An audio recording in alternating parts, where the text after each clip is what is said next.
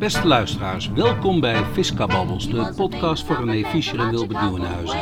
Twee rare fiscalisten die de fiscale waan van de week bespreken. Dit is aflevering 13 van seizoen 2. Het is vrijdag 26 mei 2023. Ah, Wilbert, Hey René. wat zie je er goed uit, jongen. Ja, ik zie jou nog niet, maar eh, ik zie er goed uit. Oh, komt leuk. vanzelf. Komt vanzelf. Maar eh, historisch moment, eh, René. Want op dit moment, ja, ik neem een kopje koffie en koffietijd loopt nu af. Het zegt me helemaal niks. koffietijd, man. Eh, Weet, weet ik van het tv-programma. Mijn vrouw die zit ernaar te kijken, want het is de laatste aflevering. Woehoe. Oh, Maar ik neem even een lekker kopje koffie, heb ik wel nodig natuurlijk. Het was een, een maar dat her- bestaat nog steeds. Bestond nog steeds. Bestaat nog steeds. Nee, joh, het is een herstart. Een herstart. Eh, ja, 13 jaar geleden. En eh, ja, dat loopt nu ten einde. Hey, eh, eh, goedemorgen. Goedemorgen. goedemorgen. Goedemorgen. Nou, hoe, hoe was je week? Want je bent druk, hè? Ja, ja, ja, ja, ik ben druk. Ja. Nou, ik, ik vond het nu eigenlijk, ja, ik had het nu onder controle voor het eerst deze week. Ja, je wordt beclaimd, hè? Dat, dat Jongen, jongen, jongen. Ja, maar ja, ja. Dus, maar ik, ik, ik denk dat ik het onder controle heb nu, zo langzamerhand. Maar ja, je moet wel, ja, het heet verwachtingen, hè. Die, die, die Moet je dus- managen. jeetje, ja, man. man. Nou, hey, ehm, het heeft geholpen, René. Het heeft geholpen. Het heeft geholpen. En wat heeft geholpen? De oproep die we helemaal aan het einde van de uitzending deden vorige week. Oh, met de e-mail. Ja. Dus, eh, heel- ja, dat, En- dat betekent dus... En die hebben we naar voren geschoven. Ja, ja? Die hebben we naar voren geschoven. En nu heeft er iemand die heeft gereageerd. Eh, nou, kijk eens aan. Maar wat leuk zeg, goedendag. Als eerst, mijn complimenten voor de podcast. Jullie brengen de fiscale actualiteiten op een luchtige en leuke manier. En dit in combinatie met een, een duidelijke mening. Het is elke keer een plezier om naar te luisteren. Hé, hé, hé. Steek die even in je zak, man. Ja, ja, ja. Goed, man. Dat zal ik ook, eh, dat zal ik ook zeker doen. Ja, en, en ja, omdat eh, jij hebt gezegd, eh, je kunt ook allemaal vragen stellen. Hé, hey, komt er nu een vraag door? Oh. Sterker nog, het is een, een vrij uitgebreide e-mail ook. Nou, e- eerst begint hij met een heel leuke formeel, fiscaal, fiscaal formeel vraagstukje. En, en eh, ja, er zijn oplossingen voor. Er zijn ook, we hebben ook er een mening over natuurlijk. Hè? Want dat is inderdaad ook wat hij vraagt, hoor ik. Die zegt, hoe kijken jullie daar nou tegenaan? Mijn vraag, hoe kijken jullie aan tegen het vooroverleg met de Belastingdienst? Vraagteken. Wat is jullie ervaring? Vraagteken. Waar ik regelmatig tegenaan loop is dat je bij een ongunstig standpunt van de inspecteur niet verder komt. Bezwaar maken is niet mogelijk. Is het niet veel beter om dit te formaliseren? Dat het standpunt van de inspecteur vastgelegd moet worden in een voor bezwaar vatbaar beschikking. In dat geval is er wel bezwaar en beroep mogelijk. Hoe kijken jullie hier tegenaan? Nou, René, heb je al over de vraag nagedacht? Ik wel. Nee, hij was eerder dan ik. Maar zoals Ja, omdat ik hem voorlas, maar... maar Ja, oh, op die, eh, op, op die fiets. Oké. Nou, maar voor wat betreft vooroverleg, hoe kijk ik daar tegenaan? Eh, aan de ene kant, nou ja, omdat je natuurlijk ook geen eh, bezwaar en beroep kunt aantekenen tegen een niet gemaakte beschikking of besluit van de inspecteur.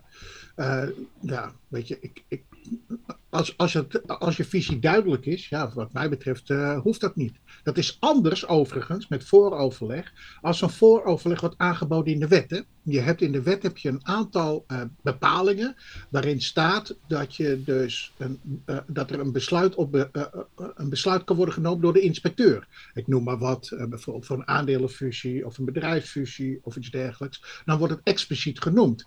En we hebben ook wel jurisprudentie behandeld. Eh, waarin dus geen verzoek wordt eh, gevraagd. Eh, en ja, dan, dan vis je dus achter het net. Dan, dan, dan op het moment dus dat je die aanslag moet regelen, ja, dan, wordt er gezegd van, joh, had maar vooroverleg gepleegd, hè, bij wijze van spreken. Dus er zit wel een verschil in tussen vooroverleg of vooroverleg. Maar vooroverleg in de zin om, om een structuur voor te leggen.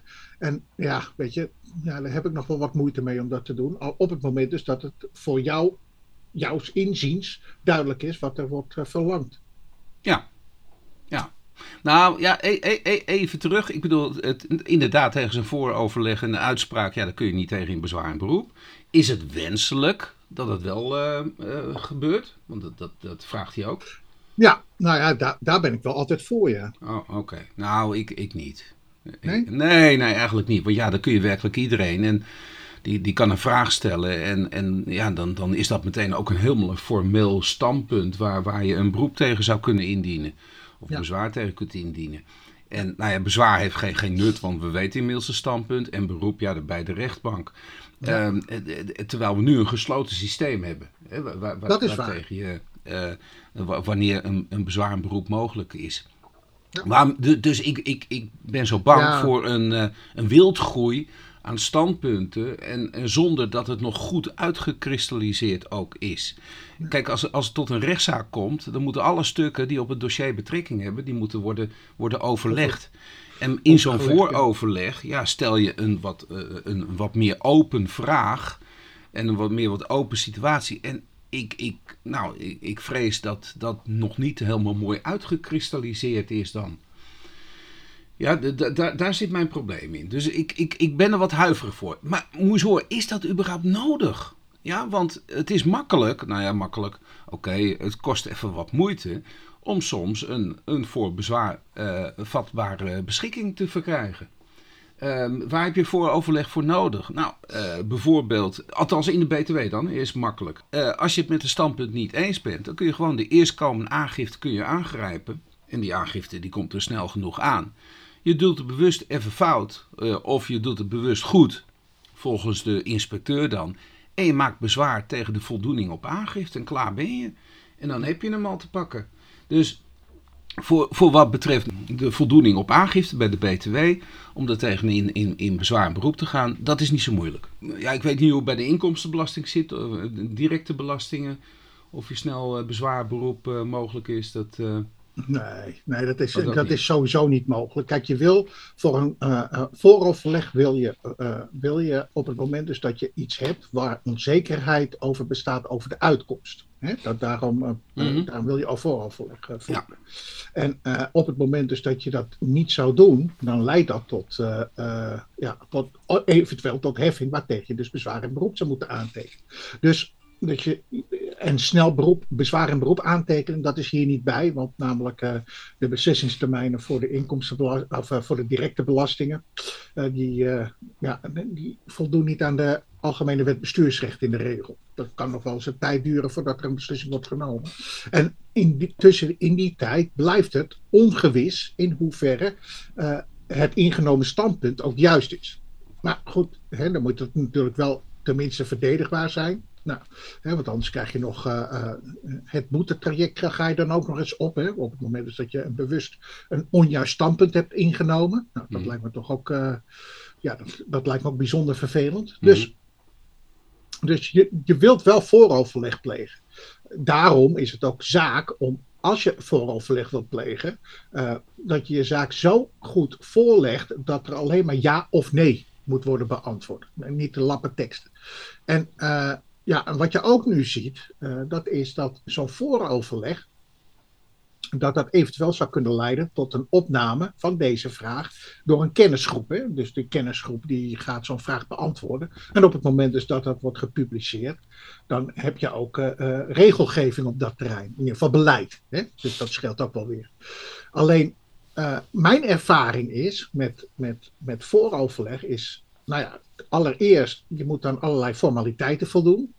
Dat is al de, eh, de eerste stap. Dus je moet formulieren invullen en je mag geen, niet doen aan fiscale grensverkenning enzovoort enzovoort. Nou, dat is, dat is al een drempel hè, waar je overheen moet. mhm. En vervolgens is dan nog eens de vraag: eh, wat voegt het toe op het moment dus dat de Belastingdienst zegt van nou, deze wijze kan niet. Dus je wilt eigenlijk eh, gewoon aan tafel komen bij zo'n inspecteur Mm. hè, om het te bespreken. Ja, daarvoor kan het dienstbaar zijn. Mhm. Het is niet zomaar. Vroeger bel je gewoon met de inspecteur en dan eh, of je kwam langs of je, eh, of je dichtte het eerst op papier en daarna kwam je langs en dan besprak je het. En, nou goed, maar dat, dat is tegenwoordig niet meer zo, Wilbert. Dat is echt niet meer zo. Nee. Eh, er zit een bepaalde drempel tussen adviseurs en belastingdienst. Ja. Eh, het is, soms kom je niet aan omdat toch de belangen, of de belangen zijn te groot, of de klant wil zekerheid hebben over de uitkomst. Ja. Kijk, je hebt niet zo, vroeger had je gewoon in Nederland de rulingpraktijk. Dat waren al niks meer of niks minder dan afspraken maken met, met, met, met, de Belastingdienst over een bepaalde fiscale uitkomst. Nou ja, die hele rulingpraktijk is op, ja, dat, dat, is dus niet meer. Nee. vooroverleg is al bemoeilijkt. Ja. nou ja, goed, en ik, en ik heb ook ja, in mijn ervaring is dat de meeste inspecteuren ook niet echt happig zijn om uh, in vooroverleg te, te uh, treden, omdat ze anders daaraan gehouden zouden zijn. Nou, en als je in vooroverleg treedt, René, is mijn ervaring, je krijgt altijd nee te horen. Nou ja, ja altijd, dat weet, ja. dat weet ik niet, Wilbert. Maar, maar in de regel wel. Ja, dat is wel uh, het idee. En dan moet je toch weer corresponderen. En nou ja, goed, en dan is de uitkomst nee. En dan, ja, weet je, en dan schuift die termijnen ook weer op. Dus onze ervaringen hiermee met vooroverleg zijn slecht. Ja, wij vinden ook eigenlijk dat het vele malen beter kan. Absoluut. Voor de indirecte belastingen zeg ik, hey, er zijn gelegenheden genoeg om het toch wel gewoon aan de rechter voor te leggen. Hè, op een snelle wijze. Maar voor de directe belastingen zeg jij nu van, ja, dat lukt je niet. Dat, dat, dat is gewoon een drama. Nou, lukt je niet. Eh, maar het is, het, het is wat, ja, er zit er nou, wel dat is heel erg bemoeilijkt. Dus, dus, ja, het is niet eenvoudig gemaakt. Vroeger, nee, dus zou met een eenvoudige brief, nee, dat, uh, dat gaat niet meer. Nee, uh, en dat komt dus omdat de houding van de Belastingdienst ten opzichte van de belastingplichtigen en, en met name ten aanzien van belastingadviseurs, althans die indruk krijgen wij, die is erg negatief. Ja, ik denk dat dat wederkerig is. Ja. Aan de ene kant hebben wij dus wat commentaar als adviseur richting de Belastingdienst. En andersom zal, het, zal hetzelfde gevoel spelen. er zullen in het verleden ongetwijfeld uh, uh, acties zijn geweest waarin de Belastingdienst niet uh, ja, uh, waarin de uitkomst voor de Belastingdienst niet, uh, niet echt uh, tevreden is geweest. En dat kan ook te maken hebben met, met fiscale grensverkenning of, of niet goed alle feiten op papier maar, hebben gezet. Nou of ja, niet, niet, goed alle, ja, niet goed alle feiten op papier. Dan heb je ook geen gewekt vertrouwen. Hè? Want ik bedoel, je bedoelt het, het uitspelen van het gewekte vertrouwen beginsel. Ja, het uitspelen van. Ja. ja. Nou, niet het opgewekte vertrouwen, want dat is, dan ben je echt blij. Ben je dan. Ja, dat heb ik nooit van mezelf hoor, maar ik werd er altijd op uh, gewezen door uh, Jan Sanders, senior. Die zei altijd: Wilbert, we zijn ongelooflijk opgewekt, maar het gaat om gewekt vertrouwen. En niet ja. opgewekt vertrouwen. ja, ja, ja. Ja, inderdaad. Nou, oh, zelf, maar ik, moet, ik corrigeer wel altijd iedereen, want ik vind het altijd wel heel erg leuk. Um, dus, nou, hoe komt dat eigenlijk uh, daarin, hè, dat opgewekt vertrouwen? Ja, nou ja, goed. Opwekt. Of wekt. Of wekt. Nee. Maar goed, ja. Nou, maar zo kijk ik, uh, zo kijk ik tegen dat vooroverleg met de Belastingdienst aan. Ja, weet je, het is ook casuïstisch. Je kan niet zeggen, nou,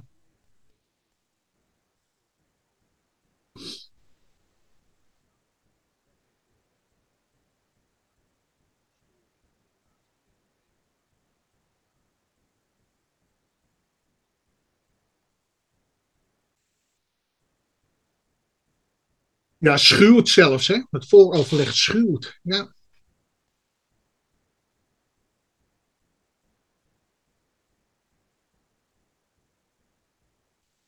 Ja. Maar er zit nog een tweede aspect uh, uh, zit er nog in die, uh, in die vraagstelling. Dat is dat kennelijk in België, weet ik niet of dat zo is, maar in België de standpunten in vooroverleg wel openbaar wo zouden worden gemaakt. Ja. Dat, ja. nou ja, goed weet je, wij hebben die vragen die uiteindelijk van de kennisgroep afkomen, ja. die worden nu ook openbaar gemaakt. Ja. Dat vind ik gewoon een verbetering. Ja. Laat ik er dit van zeggen, ik, ik, dat is echt de prijzen. Dat heeft Van Rij wel bereikt. Dat moet ik, ja, ik vind het goed. Ja, ja, dat is goed.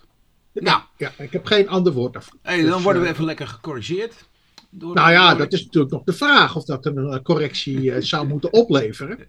Uh, uh, maar het is een visie van deze Jorik in ieder geval, die dus een, een, een, kritisch, een, kritische noot kraakt ja. voor onze uitleg ter zake een Hoge Raad arrest over het verkoopregulerend beding. Ja. Die volgens de Hoge Raad volgens mij geen verkoop, niet te kwalificeren zou zijn als een verkoopregulerend beding. Ja. Wat ik me ervan kan herinneren. Ja, het was aflevering 9 van seizoen 2. uh, aflevering 9. Ik weet niet meer wanneer, wanneer het ook was. Maar was dat voordat we in het ziekenhuis belanden met z'n tweeën? het is in ieder geval voor tien. Daar hebben, we het ene, daar hebben we toch het een en ander voor moeten doen om dat te bereiken. Dus dat zal ongetwijfeld. Ja, kan ook weer daarnaast. Ik weet het gewoon niet. Nou, nou denken de luisteraars dat we met z'n tweeën in het ziekenhuis belanden. Ja, ja dat, dat, belanden we ook, alleen onafhankelijk van elkaar. Ja. ja, het ene heeft niks met het andere te maken. Dat, dat, ja. zin dat we ongeluk hebben gehad. Ja. Uh, Maar, ik weet het niet meer. Het, het, het, was een tijdje terug, maar ik weet nog wel, het ging over inderdaad een, een, een OGBV, een onroerend goed uh, lichaam. Dus artikel 4. een artikel, ja. ja. En, en, het ging om vastgoed en het ging om de, om de tegenprestatie, de waardering ja, van Ja, want er werd natuurlijk een prijs betaald voor die aandelen. En toen ontstond de vraag van, wat is nou de maatstaf van heffing voor de overdrachtsbelasting? Van, van eh, de, in feite de verkrijging van het onroerend goed wat erin zit. En uh, nou, toen heb ik dus geroepen, ja, je moet gewoon kijken naar de, de, de, de waarde van het onroerend goed wat erin zit. En daarop worden we gecorrigeerd. Uh, toch? Dat, ja. uh, vanwege dat verkoopregulerend beding. en, en dan zeggen we heel expliciet dat de antispeculatiebeding geen verkoopregulerend beding is.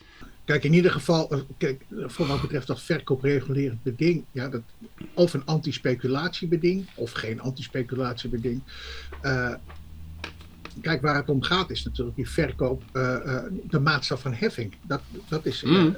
dat gaat het om. En hoe dwingend is dat?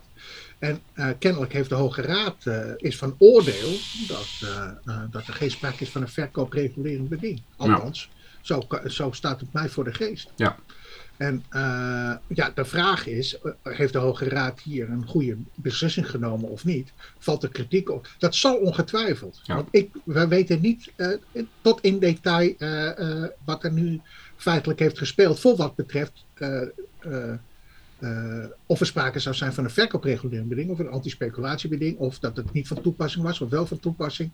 Uh, valt het ook uh, te vergelijken met, hè, want volgens mij heeft de Hoge Raad ook in mijn herinnering het toch uitge, ja, hoe moet dat zeggen, uitgevlochten. Is dat, mm -hmm. uh, is dat een normaal Nederlands voor? Nou, geen idee, maar lekker, lekker goed naar gekeken. Ja, goed naar gekeken en is tot die conclusie gekomen. Ja. Nou goed, dan kan je zeggen van nou, de belastingplichtige had daarbij niet aannemelijk gemaakt dat het beding een waardedrukkend effect had. Nou ja, dat, dan ligt het aan de belastingplichtige, maar daar gaat de Hoge Raad niet meer over. Nee, nee. Nou, en, en, en of dat anders zou zijn geweest als, als het onroerend goed zelf met zo'n beding zou zijn verkocht, ja, dat is dan ook de vraag, denk ik. Ja. Ja. Ik bedoel, dan krijg je dezelfde discussie, denk ik. Ja. Um, maar je kan je afvragen over die waardedrukkende factor. Ja, die belastingplichtige, ja, voor wat betreft dat waardedrukkend effect. Ja, dat ligt toch op de weg van. Ja, de, bewijslast. Uh, ja. de bewijslast ligt bij die belastingplichtige. Dus op het moment dus dat jij tot uiteindelijk het Hof dat niet kenbaar kunt maken. Je moet wel op je stoel letten hoor, want je gaat af en toe naar voren en naar achter en dan hoor je piep. Okay. En... Ik, ga ja. ik ga het even veranderen. Hij komt nu met de andere stoel aan. Ja, kijk, zonder piep. Nou goed, ik was ja. het even vergeten. Nou, dan heb je een betere knijp- en piepstoel dan... Uh... Ja, uh, knijp- en piepen. nee, maar uh, wat was ik... Ja, moet je maar even eruit knippen dit hoor. Maar... Waarom? ja, de, ja, precies. nou, maar kijk, ik, ik, ik zeg... maar er kan een verschil van inzicht zijn. Ja. En ik vind dat prima. En ik vind het hartstikke leuk ook dat Jorik ons ja. daarop wijst. Ja. Dus we gaan er toch wat kritischer mee om. En we nemen dit toch mee. Ja. Ja. maar desalniettemin denk ik van nou weet je, in dat, in dat kader kan de Hoge Raad, uh, ja, de, de, Hoge Raad zou een andere beslissing kunnen, hebben kunnen nemen. Alleen, ja, op grond van de verschrikte feiten en omstandigheden, ja. ook, ook naar aanleiding van het Hof. Nou ja, ze zijn gebonden uh, aan datgene wat het Hof constateert wat feitelijk heeft plaatsgevonden. Precies. Zeker, zeker. Even kijken, ik ga maar even proberen. Weg. Jorik, bedankt.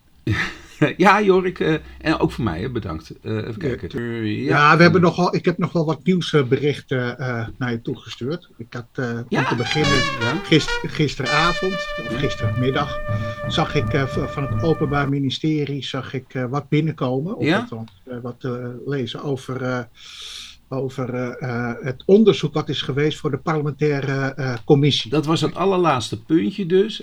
Maar als je zegt, nou, dan wil ik meteen als eerste gaan behandelen. Dan gaan we- Nee, maar het gaat Jawel, mij. jawel. ja, ja, want ik vind het toch, ik vind het toch wel ernstig wat er is. Ja, de- nou, ik, ik, ik, Nou, het ja? was inderdaad, nou hier, ik lees het even voor, geen vervolging voor mijn eet. En dan staat de POK, P-O-K. Ja, met zo'n Ja, nieuwsbericht. parlementaire onderzoekcommissie. Ja, nou ja, maar dan, dan, dan vind ik ook, hè, ehm, ook de, de titel, maar dat is dan een nieuwsbericht. En dat is, is Nou, dat van dan, het Openbaar Ministerie is het, hè? eh, van het Openbaar Ministerie Ja. zelf, hè, is dat, Ja, dat nieuwsbericht dus. Ja. Ehm, ja, eh, met, met, met zo'n titel leest niemand het natuurlijk. En dat is misschien ook wel de bedoeling. Dat denk ik ook, ja. Ja. Dus het Dat is sowieso een dubieus eh, nieuwsbericht. Maar waar het hier om gaat is dat, eh, ik geloof dat die man Uilenberg heet, eh, DG. eh, die heeft wat verklaard bij de parlementaire onderzoekscommissie Ja.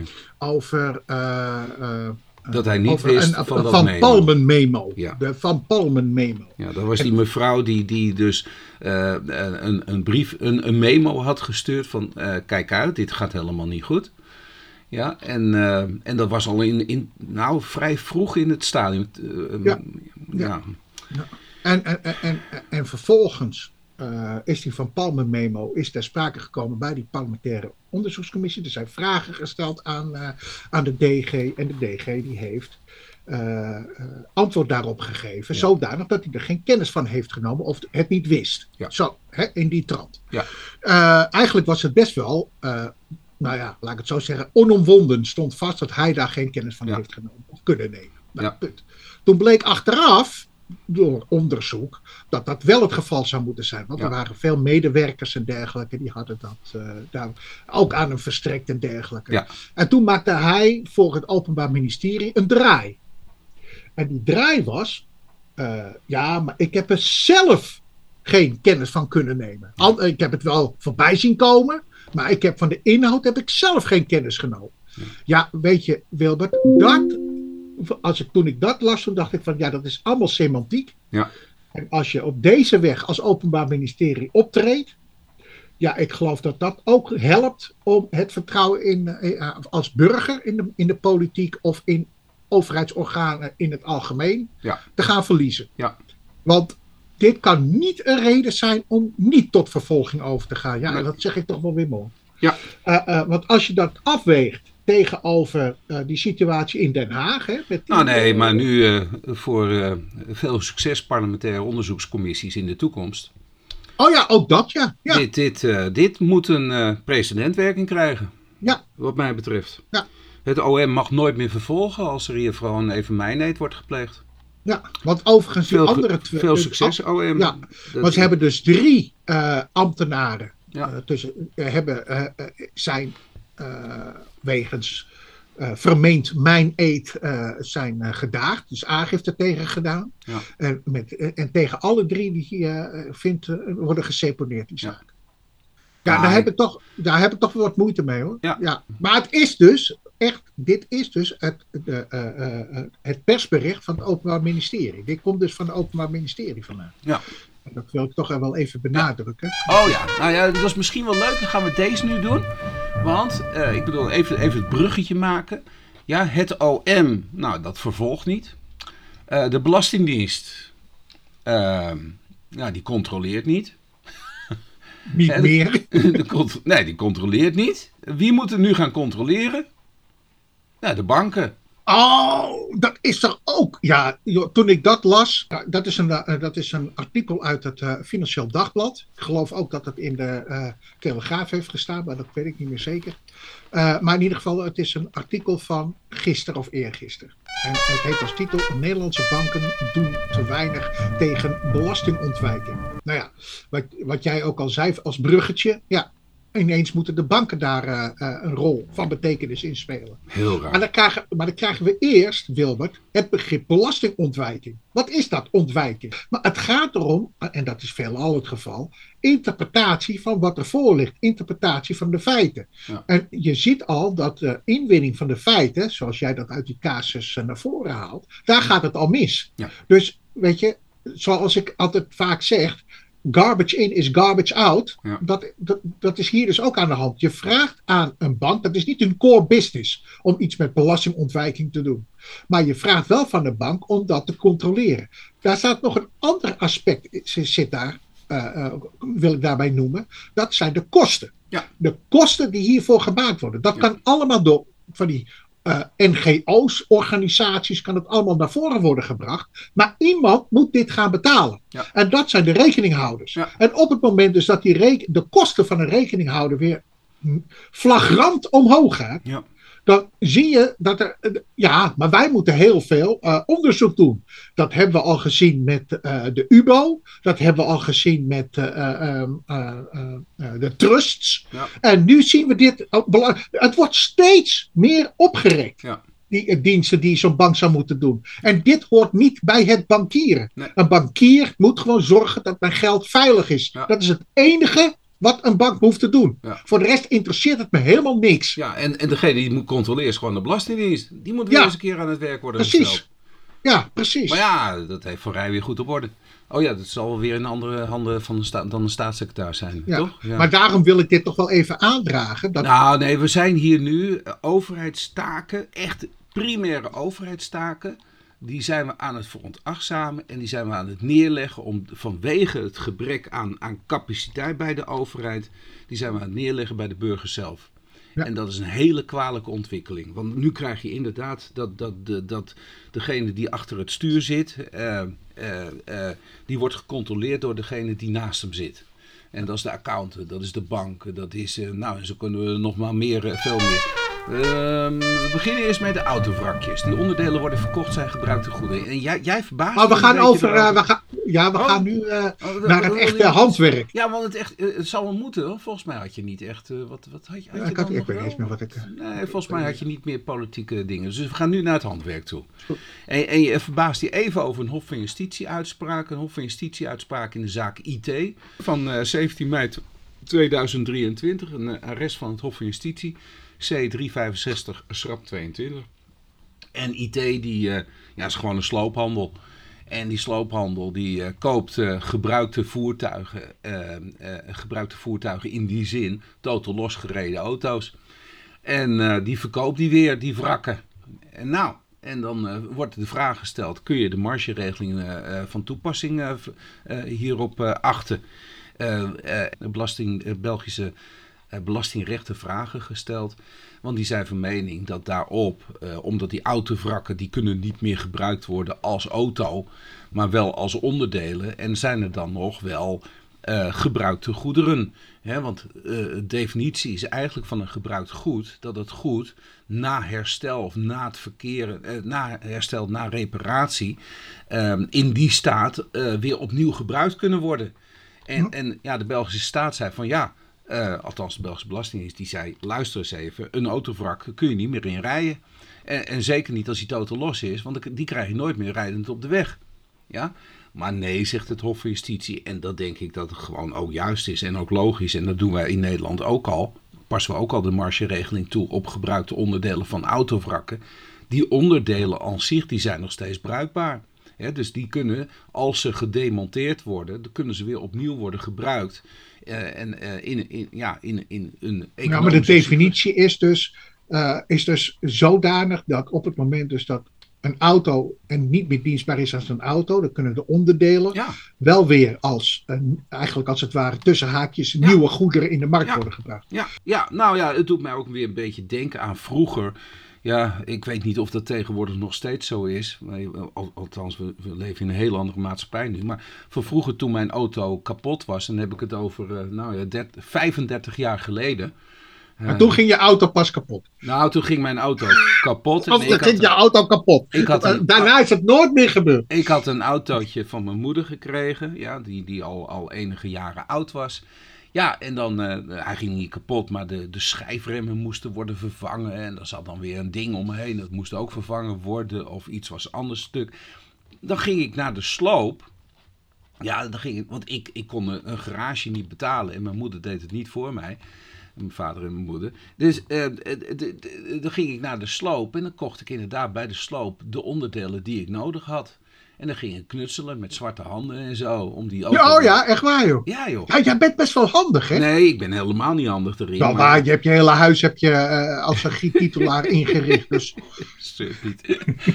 maar, maar, maar, dus, dus um, ja, ik moet van het weekend weer een pakketvloertje liggen.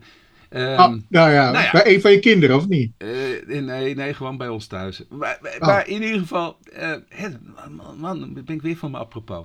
Maar, maar de, de, ik, ik, doe ze dat tegenwoordig nog? Want ik zie steeds minder sloopbedrijfjes eigenlijk. Of, of vergis ik me erin? Nou, ik heb, uh, als ik naar Alkmaar rij, ja. daar heb ik uh, een heel groot sloopbedrijf uh, uh, op de weg naar Alkmaar. Oh. De stad Alkmaar dus. Ja. ja. Ja, en die is best wel groot. Maar ja, dus, ook voor particulieren echt? Want ja, ik zou het ja, ik, dat weet ik niet. Ik, ik, ik, kom daar niet. Ik zou ja, weet je, niet meer weten hoor, hoe dat zou moeten. En zeker niet met die, met die auto's van tegenwoordig, met de technologie van tegenwoordig. Ja, eh, eh, elektrische auto's. Nou, maar ja, jij doet het ook niet meer. Ja, dat weten we niet. Misschien weten de luisteraars dat. Ja. Hey, we gaan snel door. Dit was een uh, nou ja, arrest van de Justitie. En, en, nu gaan we dus even naar de late levering van bouwgrond aan kinderen levert uitdeling voor DGA op. Ja. Hmm. Uitspraak van het Hof, Den Haag. 7 maart 2023. Het is BK 22 schrap 60. Ja, wat de bedoeling is. Kijk, de bedoeling van, van, van deze belastingplichtige is geweest om waardestijging van de grond of van het project zelf aan de kinderen toe te wijzen. Dus wat gebeurt er op enig moment uh, in een BV waarin X alle aandelen houdt, verkoopt deze een stuk bouwgrond aan de minderjarige kinderen van de belastingplichtige. En op dat perceel zouden in de periode 2010 tot en met 2012 acht bedrijfsunits worden gebouwd. Een showroom en een overdekte kraanhal. Dat zou moeten worden gerealiseerd. Dus op 24 februari wordt de akte van levering gepasseerd. De verkoopprijs bedraagt een x-bedrag. De inspecteur legt een IB-navolgingsaanslag op. En volgens de inspecteur is namelijk sprake van een uitdeling van maar liefst 240.000 euro. Ja, de verkoopprijs betaalt 209.000 euro, dus je kunt je wel afvragen van wat het is. Doordat is uitgegaan van de prijs van de bouwgrond. Terwijl ten tijde van de levering de onroerende zaken bijna waren voltooid. Dus je de, Het idee was, ik verkoop bouwgrond, maar vervolgens verkoop je al een bijna haast afgerond project. Ja. Maar dat kan natuurlijk niet meer voor die prijs, Wilbert. Dat kan niet meer. Nee. Dus ja, en dat vindt ook de rechtbank wat te gortig. Ja. Dus die zegt dus van, joh, jij hebt uh, deze, jouw BV, waarin je dus een aanmerkelijk belang houdt, heb jij op dit vlak benadeeld. En die benadeling, dat, uh, en jouw bevoordeling, indirect, hè, want, uh, want eigenlijk zou dat gaan naar de kinderen, maar ja, levert dat een uitdeling op. Dus je bent daar dus dividendbelasting over verschuldigd.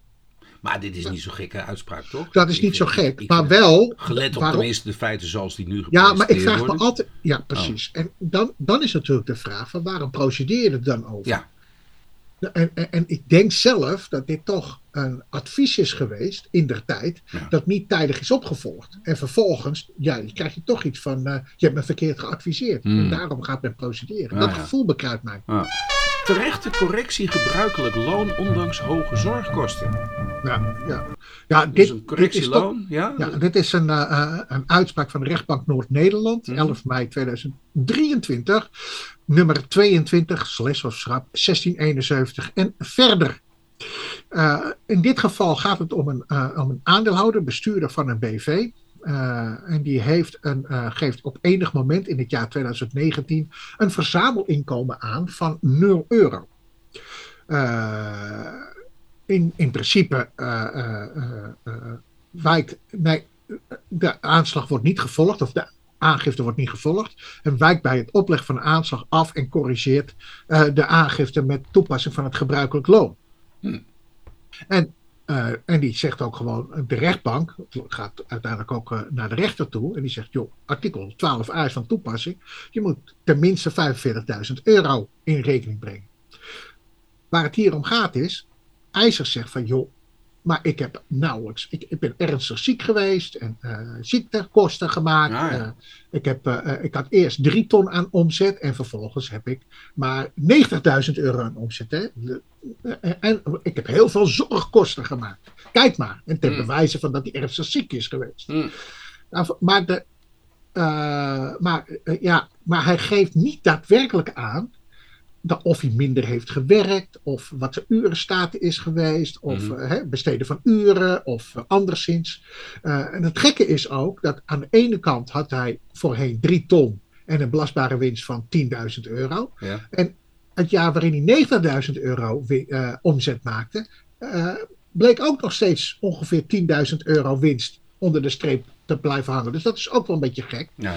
Maar waar hij dus niet in slaagt, ondanks het feit dat je, ja, als je het zo bekijkt, denk ik ook van dat is sneu. Want namelijk, ja, dit had toch eigenlijk beter uitgewerkt kunnen worden. Ja. Eh, die uren, dat is toch wel bepalend. Je moet aangeven dat je gewoon minder uren hebt gemaakt. Kijk, op het moment dus dat een normale salaris van 45.000 euro terecht is, of hè, geef dan aan van nee, eh, dit heeft te maken met eh, eh, het geval dat ik A, minder heb gewerkt. Ik heb minder kunnen doen. Ik heb alleen maar mijn, mijn onderneming kunnen behouden. En ik heb gewoon veel minder uren be- kunnen besteden Ja. vanwege hoge ziektekosten. En daarin slaagt deze belastingplichtige niet. Nou, en dat verbaast me. Dat zegt die rechtbank ook. Hè. De eis die heeft niet concreet gemaakt hoe het nou precies zit in de 2019. Het zou best kunnen dat IJzer toen, bijvoorbeeld door de medische ellende naar aanleiding van de mishandeling, want hij is mishandeld, Ja, eh, mishandeld, dat is ook nog Ja. zo. Ja. Ja. veel minder arbeid heeft kunnen verrichten dan in het jaar 2018. Maar er zit niets in het dossier, eh, zegt het rechtbank ondersteunt. letterlijk, er zit niets in het dossier dat het ondersteunt. Jee. Ja. Kijk, je kan toch ook een tijdstip opnoemen. Alleen al de tijdstip van ik ben op dat, die datum ben ik mishandeld. Die. En vervolgens Nou, is dat het traject ook, geweest. Ook, ook, ook. Ja. Maar goed, Maar kom met even wat meer, joh. kom even wat meer. Ja. Nou, eh, situaties waarbij Belastingdienst niet handelde in overeenstemming met de wet, nader toegelicht. Ja. Ja, dit is toch ook weer. Ja. ja. dit, heeft, dit heeft ook weer te maken met, met dat artikel wat we daarvoor hadden gehad Ja. met het OM. Daar Ja. komt eigenlijk terug op neer. Geconstateerd is dat de Belastingdienst in sommige gevallen niet heeft gehandeld overeenkomstig de wet. Daar komt het op kortweg op neer. En de staatssecretaris van Financiën heeft naar aanleiding van aanvullende vragen van de vaste commissie van Financiën over de uitspraak van Hof Den Haag aangaande de CPO-beslissingen van het Openbaar Ministerie in zaken de aangifte en aangifte van knevelarij. En beroepsmatige discriminatie. Ja. Dat zijn toch heftige, heftige aantijgingen, Ja. vind ik zelf. Ja, En de aangifte van dwang en misbruik, van gezag en lastelijke aanklacht. Ja. Dat vind ik ook net zo heftig overigens. In 13 situaties een overzicht wanneer de politieke en ambtelijke top op de hoogte was. Ja. ja. Nou ja, goed. En eigenlijk komt het erop neer, Wilbert. Wat denk je? we doen er niks mee. Nou, en dat, dat, dat vind ik toch wel kwalijk hoor. En, en, als ik dat ook lees, Ja. ja. dan denk ik van ja, weet je, het is, het is, ja, het wordt allemaal geseponeerd. Ja. Eh, weet je, het zou ook best wel zo kunnen zijn dat het, dat het terecht is dat het geseponeerd wordt. Hè, dat, er, dat er ten onrechte een aangifte is gedaan van knevelarij en beroepsmatige discriminatie. Maar het wordt zo niet helder geformuleerd. Ja. Waarom die CEPO eh, echt terecht was. In combinatie ook met het gevolg wat de Belastingdienst daar zelf aan eh verbiedt. Ja. Ja. Volgende. De rechtbank biedt zelf rechtsherstel box 3. Door heffing naar werkelijk rendement. Ja. De rechtbank Zeeland-West-Brabant. René. Nou, eigenlijk is het weer niet iets nieuws. Oh, nou, Hè? 24 april 2023, Bre 19333. Laat ik daar even mee beginnen. 207740. Ja, even Eh. Je zegt het is niet nieuws. Nee, maar wat ik wel eigenaardig vind, als je naar eh, die uitspraak gaat. eh, eh, Oh, moet dat nou, naar die uitspraak? ja, naar de uitspraak. Ik Ja. zie dat, ja, dat kan. Even kijken. En je gaat naar het overzicht van het vermogen. En, ah, hier, 17. Kijk, je ziet dus grondslag sparen en beleggen. Ene jaar 200, eh, eh, eh, in 2017 582 en in 2018 157. Ja, toen vroeg ik me af van, Wat is hier gebeurd? wat is hier gebeurd? Want namelijk. eh, en dat kan natuurlijk zo zijn dat dat eh, eh, in die verrekening tussen echt lieden. Ja, dat wat is toegeschoven. Ja, dat ja. zou kunnen. dat Maar dat, komt, maar dat komt niet duidelijk voor in die, in die uitspraak. En het gekke is, Ja. 2017 met een grondslag voor sparen en beleggen Ja. 582, die wordt niet aangepakt. Ja, Maar de grondslag voor sparen en beleggen van 157, 263, Die wordt wel aangepakt. Ja, het rendement op, voor zo'n procedure is natuurlijk minimaal. ja. Dus weet je, kijk, en natuurlijk is het terecht wat de, wat de rechtbank doet hoor. En die zegt ook van, joh, uh, je hebt een rendement gehad op die 152 van, nou ja, zo, zoveel uh, procent.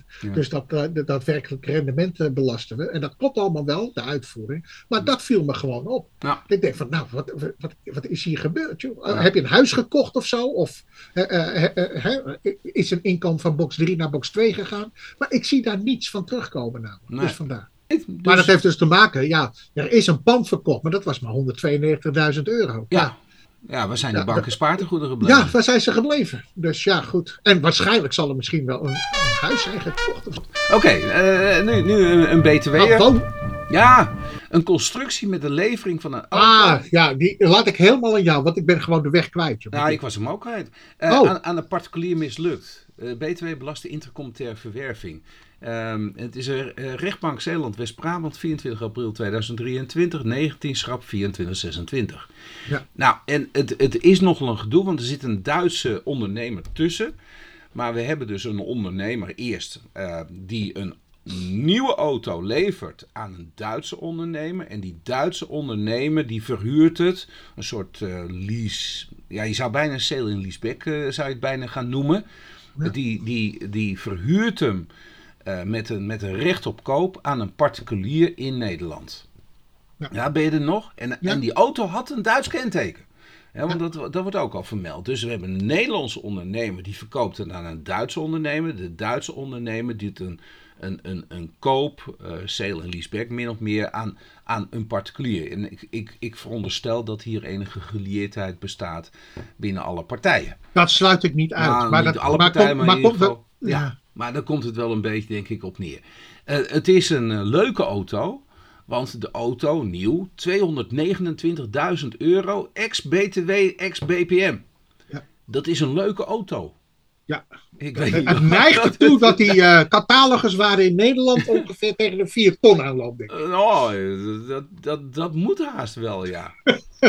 nou, en wat men nou eigenlijk doet is, kijk, een nieuwe auto, nou, hè, dat leidt tot een, als hij van Duitsland naar Nederland komt, het Nederlands kenteken wordt aangevraagd, dan hebben we, als je die koopt, als je die verwerft als particulier, dan krijg je verwervings-BTW te betalen. En BPM natuurlijk, want hij moet op Nederlands kenteken. Ja, en dat hebben ze willen omzeilen.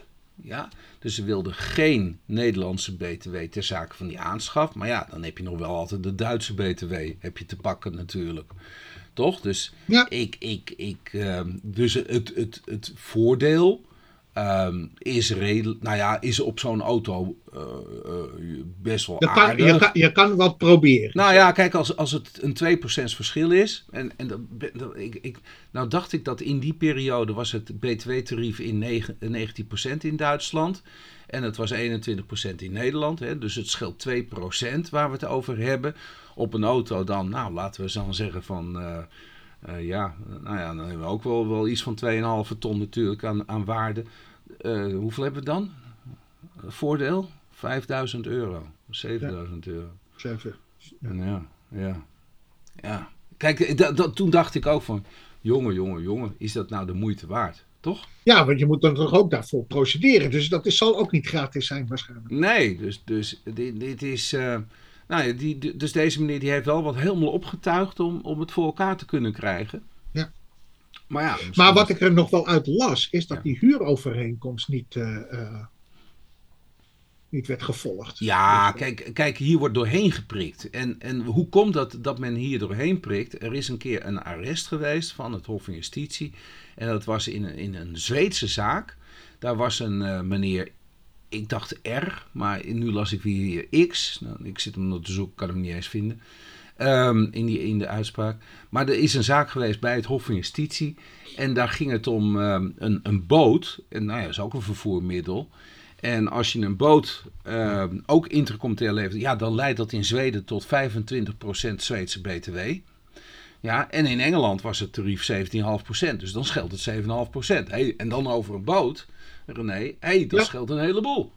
Ja, dus um, en, en, en daar ging die boot, hoewel de haven al bekend was in Zweden, die ging, werd dus vanuit Engeland uh, uh, ging hij varen. En die heeft meer dan drie maanden, heeft hij uh, eerst even lekker gevaar, waarschijnlijk misschien naar de Middellandse Zee toe, even lekker op vakantie. En daarna pas ging hij naar Zweden toe. En inmiddels was hij dus oud voor de BTW. Ja, en toen Oh. zei het Hof van Justitie, nou ik zal niet zeggen dat is een constructie, maar eigenlijk was af, vanaf het begin af aan was bekend dat hij een haven zou gaan krijgen in Zweden. En eigenlijk is dit een intercommunautaire verwerving in Zweden. Dus de truc om 7,5% BTW te besparen, het verschil tussen de tarieven in de desbetreffende lidstaten, gaat niet op. En, en die uitspraak die wordt hier ook, dacht ik, aangehaald, maar ik kan het weer niet terugvinden natuurlijk. Oh ja, hier het Hof van Justitie van de EU. Hier, eh, ja, X tegen Skatteverket, dat is de Zweedse belastingdienst. Nou, ik dacht dat, ja, ik, maar ja, eh, eh, af en toe haal ik die afkortingen door elkaar. Maar nou, zal het X zijn, vind ik ook goed. Een arrest van het Hof van Justitie van 18 november 2010. Maar het was een leuke auto. Ja, het was sowieso een leuke auto. Oh. En, maar eh, ik vond het belang. Ja, het belang is ook marginaal. Wat, wat voor auto's zou het zijn geweest? Nou ja, goed. DB misschien wel of zo. Austin Martin of zo. Ja? Ja, Nou, 229.000 ex-BTW, ex, ex-BPM, ex-BPM. Ja. 4 ton. Nou, zou het 4 ton zijn? Ja, ik denk het wel. Twee, 200. eh, Ja, dan komt even BPM achter. Ja, En ja. dan komt er. Nou, dan zitten we toch wel. Nou. Ja, dan- dat is een, een eerste markt. Er zit, er zit natuurlijk ook. eh, Een Lamborghini vind ik. Ik vind een Lamborghini. Lamborghini. Ja, dat zou toch nog kunnen zijn. Uh, Oké, we houden het op een. eh, stond. Oh ja, nou heb ik hem weggedrukt. Jammer dat er niet in stond. Dat is toch altijd een leuk detail. Ja, maar, da- maar, maar zeg maar, vorige keer had je een leuk plaatje voor. ja, ja, ja. Paaldans. eh, Precies. Paaldans En eigenlijk ook nutteloos. maar hier, wat essentieel is, ja, dat wordt eventjes weggelaten. Ja. Ja, dan word ik, ja, dat vind ik toch wel weer jammer. ja, dat had hij wel ingemoeten, toch? Dat, eh, Ja, dat vind ik wel. ja, nou ja. Nou ja, goed. Als uitnodiging voor deze podcast kan je een, een mooie willekeurige auto nemen. Dus Ja. dat scheelt wel weer. Ja. Hey, dit, Nou, dit dit, vind- dit vind ik ook een hele leuke. En juist voor de BTW hoor. Maar, eh, ga- ga- Ja, ja, ja. Ja, maar- ook voor, ook voor Oh, de ook BTW. voor? Maar- Ja, het is niet alleen voor de BTW, maar ook voor de, eh voor de vennootschapsbelasting. Ja, dit dit, gaat dus hier zo over de directe belasting, Ja. vennootschapsbelasting, inkomstenbelasting. Maar ik vond het een leuke uitstralingseffect gaan krijgen richting de, de, de BTW. Dus de, vandaar Ja. dat, waar, waar hebben we het over? Woningcorporatie kan niet zelfstandig afschrijven op zonnepanelen. En de Ja. zonnepanelen, joh, dat is in Nederland zo'n ellende voor de BTW. Ja, Ja, het is, een- ja, of het wordt ellendig gemaakt, maar ja, het is een ellende ja, voor, eh, voor de BTW. ja. Maar in dit geval eh, gaat het als volgt. Het is rechtbank Zeeland, West-Brabant, eh, nummer 21 slash schrap 3945, 3945. En de uitspraak dateert van 24 april 2023. ja. En eh, waar het hier om gaat is, ik heb een, een wooncorporatie en die legt op diverse panden voor meer dan een miljoen, ruim 1 miljoen zonnepanelen op de door haar verhuurde woningen. Ja.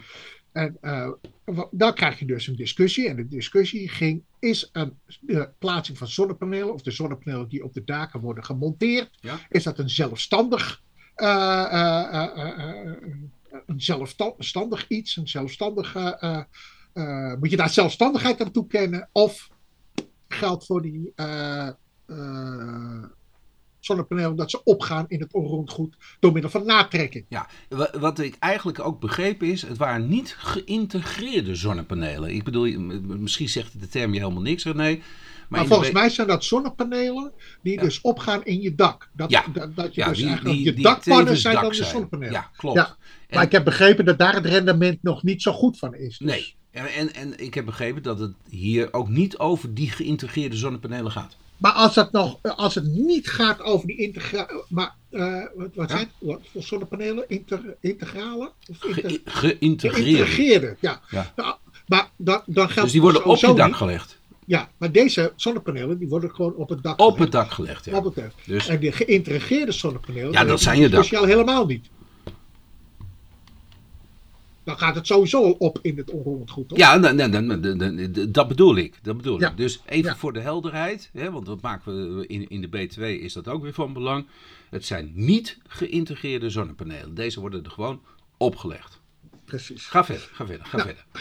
Uiteraard krijg je discussie van. Als het een zelfstandig bedrijfsmiddel is, kan je er ook zelfstandig over afschrijven. Ja. Als het opgaat in het onroerend goed, Ja. ja. dan gelden de regels van het onroerend goed voor, de Ja. afschrijvingstermijn. Ja. Nou, en je begrijpt de discussie als je van meer dan 1 miljoen op verhuurde panden plaatst. Ja.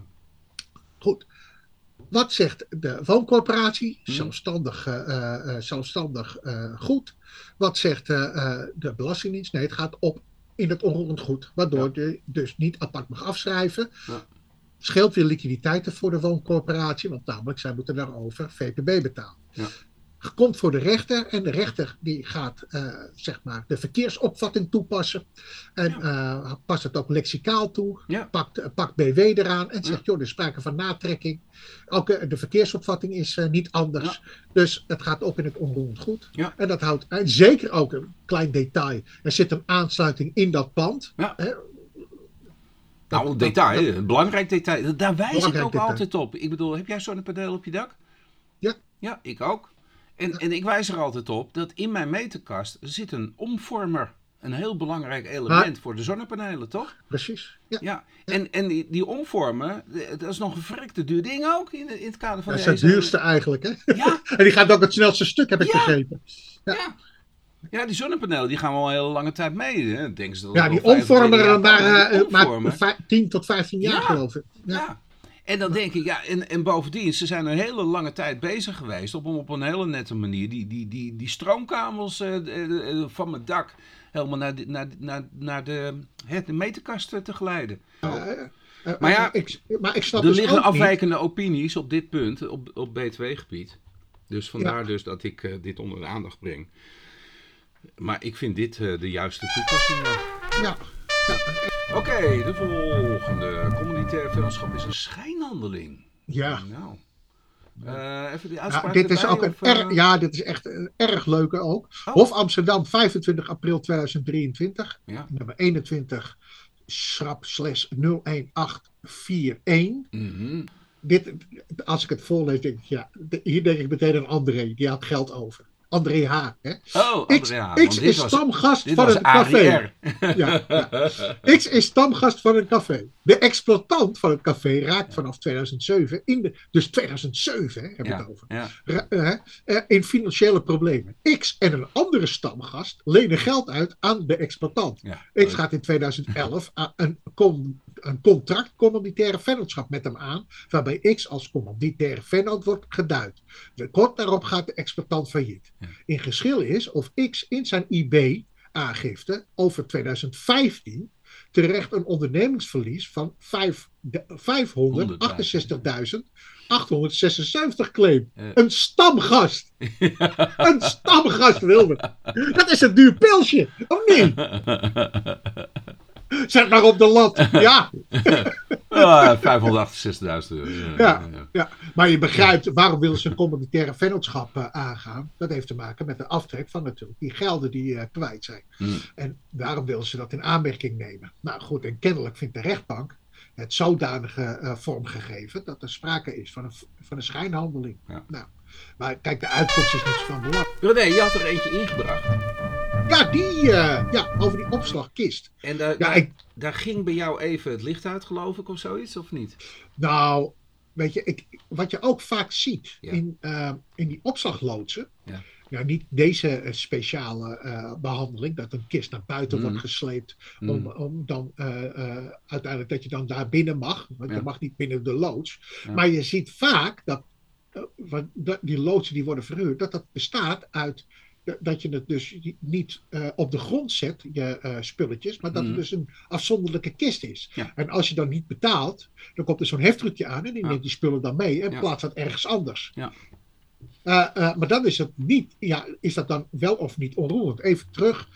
Dit, dit, is, dit is het artikel van Hof Amsterdam.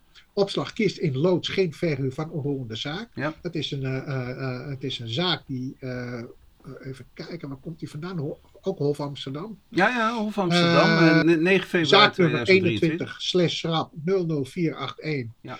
En, het, dat, en hij is van 9 februari 2023. Ja. En de, de kwestie gaat over een opslagkist kist in een loods. Ja. In hoeverre de verhuur daarvan onroerend is of niet. Ja. Kijk, en, maar, eh, kijk, het is natuurlijk sowieso qua hè, Ja. fysiek is het sowieso niet onroerend. Want hij die kist was niet aard en nagelvast aan Oh, de grond leuk dat je het bevestigd. zegt, René. Ja. Wat zei je, sorry? Wat leuk dat je het zegt. Ja, dus- ja, jij vindt dat helemaal vanzelfsprekend, hè? Nou, dat, Ja? nou, kom maar. Ja. Nou, Ja. kom maar. Eh, kijk, eh, het leuke is, hè, de- deze zaak wordt bepleit door professor Dr. Het- Ik, ik denk dat het Bart is, maar oké. eh, eh, eh, Bart Maar is waarom nog- zou die willen dat, waarom zou die willen dat het geanonimiseerd wordt dan? Nee, hij wil het niet. Nee, hij, hij is er trots op dat hij dit soort zaken doet. Nee, maar dat doet nu opeens het Hof Amsterdam. Die, die anonimiseert het. Ja, dan denk ik ook, waarom nou opeens weer? Ik bedoel net... En het leuke is, Bart, Bart ja, hij verliest nu deze zaak. Maar hij doet een beroep op iets. En nou, ik ga even naar beneden scrollen. Hier komt hij. Op Ja. een, een, een, een 81 RO'tje van de Hoge Raad. eh, uit 2018. En eh, dan moet je de naam niet zeggen natuurlijk, want dat mag ik niet van mijn klant. Die zaak heb ik gedaan. Ja, en eh, dat was ook een kist. En het waren containers. En ik riep, eh, luister eens, dit, dit zijn allemaal btw-belaste activiteiten die mijn klant verricht. Dat is niet verre van onroerend goed. En het Hof Amsterdam, oh sorry, Hof ten Bosch, die zegt, ja, u bent een opslagbedrijf. U bent een eh, zelfopslagbedrijf. Ja, maar ik zeg, hoe kan dat nou met een kist? Eh, hier, houten kisten. Ik heb foto's van die houten kisten en die Oh, ik containers. kan me dat herinneren, ja. Dat, ja, die kwestie, ja. Ja. ja. Nee hoor, meneer Nieuwenhuizen. 2005 gaat het hier over. Kijk, het vervelende was, 2005 was de beginfase van mijn cliënt. Ehm 2006 ging hij professionaliseren. Toen werden het echt wel zelfopslag eh die vast zaten met een vast nummer. Met een sleutel die je kon krijgen van de desbetreffende box. Maar in die voorfase, voordat hij in 2006 steeds professioneler werd, eh, in die voorfase had hij ook, eh, sterker nog had hij ook, waren het alleen maar houten grote kisten en containers. En, en die liepen door elkaar heen, dus nooit had iemand een vaste plaats, want daar had hij geen ruimte goed voor. Dus hij moest af en toe het nodige verschuiven. Dus dat, dat, dat, dat, dat was geen vaste plek.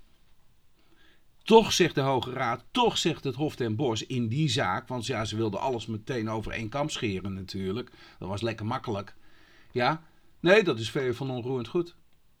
Nou, en, en zo zie je maar, elke keer als ik een zaak verlies, dat had ik ook met de champignonkwekerij, dan doen die rechters, die doen ze heel gemakkelijk ervan af. Maar het gaat een keer tegen je gebruikt worden. Dus hier doet Bart doet waarschijnlijk een beroep op dat arrest. Die zegt, ja, kijk eens, daar ging het ook over houten boksen en mini-containers. Ja. Klanten huurden een mini-container houten box, waar ze toegang Maar weet je, het- wat het verschil is, jij wilde dat het dus belast zou zijn. Ja, En hier wordt het gezegd van nee, het is vrijgesteld. ja maar dat, dat nu weer. maar dat maakt natuurlijk voor de BTW-heffing. eh, of voor, natuurlijk helemaal gezegd voor- uit. Nee, Toen voor, riep de Hoge Raad. voor het criterium. Hè? Toen riep de Hoge Raad, het is vrijgesteld. Nou, zeg Ja. dan wil ik het nu ook vrijgesteld hebben. Nee, maar nu is het anders. Ja, wat is het dan anders? Het is toch exact hetzelfde? Kom op, houd toch op. ja, maar zij zeggen dus dat die kisten naar buiten worden gereden. En dat je dus Ja. geen toegang verkrijgt tot, tot dat onroerend goed zelf. Ja. En daarmee wordt dit dus een belaste eh, handeling. Althans, zo heb ik dat begrepen. Maar dat vond ik best wel raar eigenlijk. Ik, nou ik ben het wel eens met het. Ik ben het eens hoor met die uitspraken. Ik bedoel, ik vind. ik- eh, eh, ze hebben wel. Nee, maar jouw uitspraak was onwel, welvallig. Daar Juist, gaat het om. juist. En dat, daar kan ik niet tegen. Dat is onrecht. Ja. Snap je? Ehm, en natuurlijk, ik bedoel, ik, ik, ik, nou, ja.